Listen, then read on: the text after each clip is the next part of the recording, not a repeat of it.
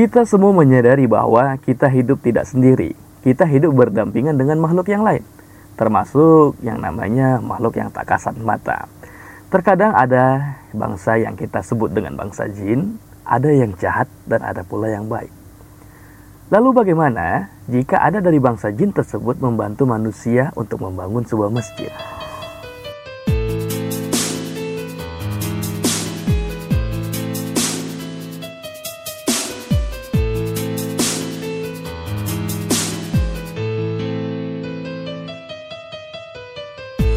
Pada episode kali ini gue akan bercerita tentang pengalaman gue ketika mengunjungi sebuah masjid yang konon katanya pembangunannya dibantu oleh jin. Waktu itu antara tahun 2015 atau 2016 nih ya, ketika gue kelas 3 SMP. Nah saat itu gue sedang menjalankan sebuah tugas dari sebuah yayasan. Ya maaf untuk kali ini gue nggak bisa jelasin nama yayasannya. Kala itu gue sedang menjalankan tugas safari Ramadan selama satu bulan penuh untuk 30 masjid di sebuah daerah Sumatera Utara.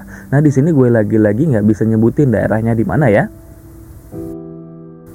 Buat yang belum paham apa itu safari Ramadan, nah itu biasanya itu kita mengadakan namanya kayak kunjungan ceramah sebelum atau sesudah terawih seperti itu.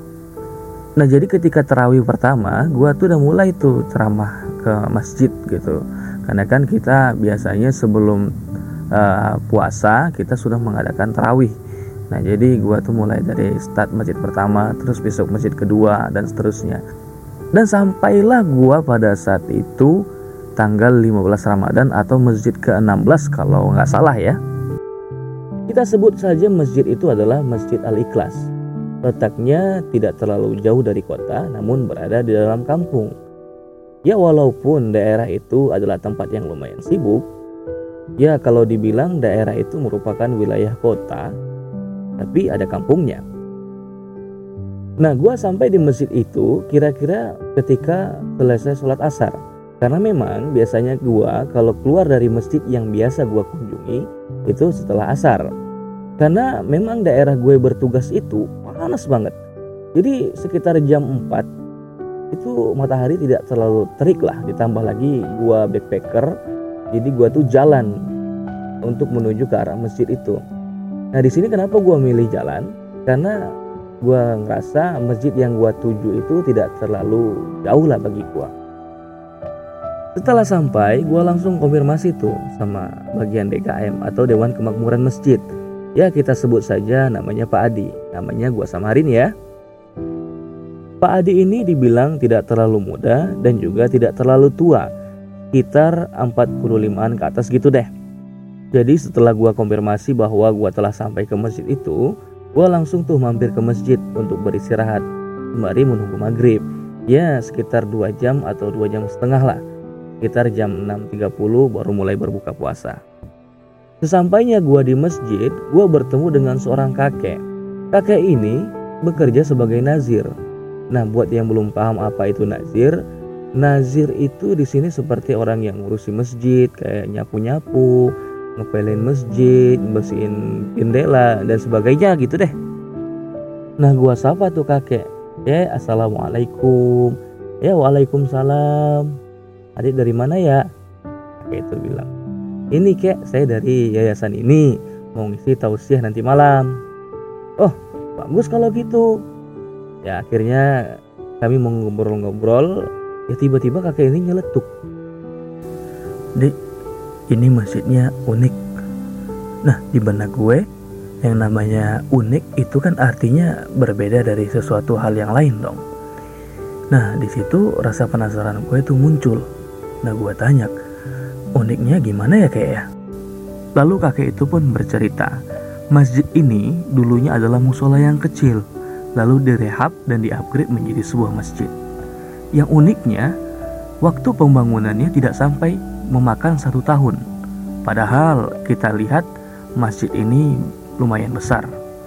Padahal waktu itu kami hanya memiliki sedikit tukang dan hanya sedikit warga yang membantu karena kesibukan mereka masing-masing. Tetapi anehnya, di setiap malam itu seperti ada orang yang bekerja tapi entah siapa. Ya tiba-tiba besok sudah jadi ini, sudah jadi itu. Padahal waktu itu ya belum dikerjain. Ya cuma waktu itu gua masih bocah ya. Jadi gua rada-rada nggak percaya lah. Jadi gua cuma bilang, "Oh ya kek, ya subhanallah." Nah, pas waktunya berbuka puasa, nah gua buka nih di masjid. Terus lanjut uh, salat maghrib. Nah, lalu nih gua nih diajak Pak Adi ke rumahnya untuk makan malam sebelum lanjut untuk sholat isya. Di situ terjadi obrolan singkat antara gue dan Pak Adi. Nah, tiba-tiba Pak Adi ini juga cerita hal yang sama tentang apa yang diceritakan si kakek waktu gue istirahat di masjid sore tadi. Nah, di sini gue sempat speechless dong. Kalau yang ngomong cuma satu orang, mungkin dia berbohong. Tapi kalau ini dua orang, mungkin ada benarnya juga. Cuma gue kembali kepada logika ya. Mungkin ada orang yang ngerjain itu diam-diam atau memang ada yang mau membangun tapi tidak ingin diketahui siapa gitu. Layaknya superhero gitu. Sampailah waktu isya tiba dan azan sudah berkumandang. Nah, gua sholat isya, kemudian lanjut tarawih dan juga isi tausiah sekitar 15 menit. Nah biasanya tuh kan kalau lagi selesai tarawih Bapak-bapak itu biasanya pada ngumpul tuh cerita-cerita ngobrol-ngobrol Ngopi, ngudut, ya seperti itulah. Nah gua tuh mencoba gabung tuh ngikut kopi Tapi nggak ngudut juga lah ya masih anak-anak. Nah tiba-tiba gua tuh ya denger lagi tuh cerita Hal yang sama yang diceritakan Pak Adi dan si kakek. Nah di situ gue makin tambah speechless dong ya kata mereka ya masjid ini benar ada yang bantu ketika masa perehapan. Ya katanya ada yang setiap malam di kamar mandi ada seperti suara air ada suara getok-getok ya sebelum masjid ini dibangun gitu.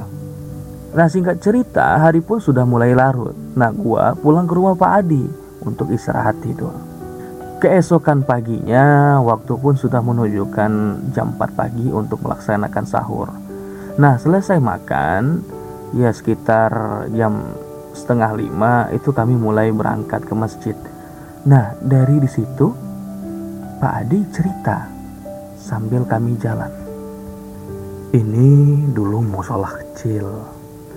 Jadi dari dulu memang kebetulan saya yang jadi DKM di sini. Ya kita musyawarah lah untuk bangun masjid. Tapi dana kita kurang. Ya bismillah lah untuk bangun masjid ini. Setelah sepakat, musola pun direhab dan masjid juga mulai dibangun. Awalnya banyak para warga yang mau membantu pembangunan masjid ini. Cuma gara-gara kesibukan mereka, ya lambat laun banyak yang pergi. Akhirnya kami sepakat menyewa tukang untuk membangun masjid ini kembali. Nah, ketika sudah mulai kelihatan nih bentuk masjidnya, nah di situ keanehan mulai terjadi. Saya menyaksikan dengan mata kepala saya sendiri ketika saya mulai berangkat subuh jam setengah lima itu kondisi jalan masih sepi dan masih juga masih kosong karena saya pegang kuncinya. Tiba-tiba dari atas kubah saya melihat ada seseorang berupa bayangan. Saya nggak tahu itu siapa.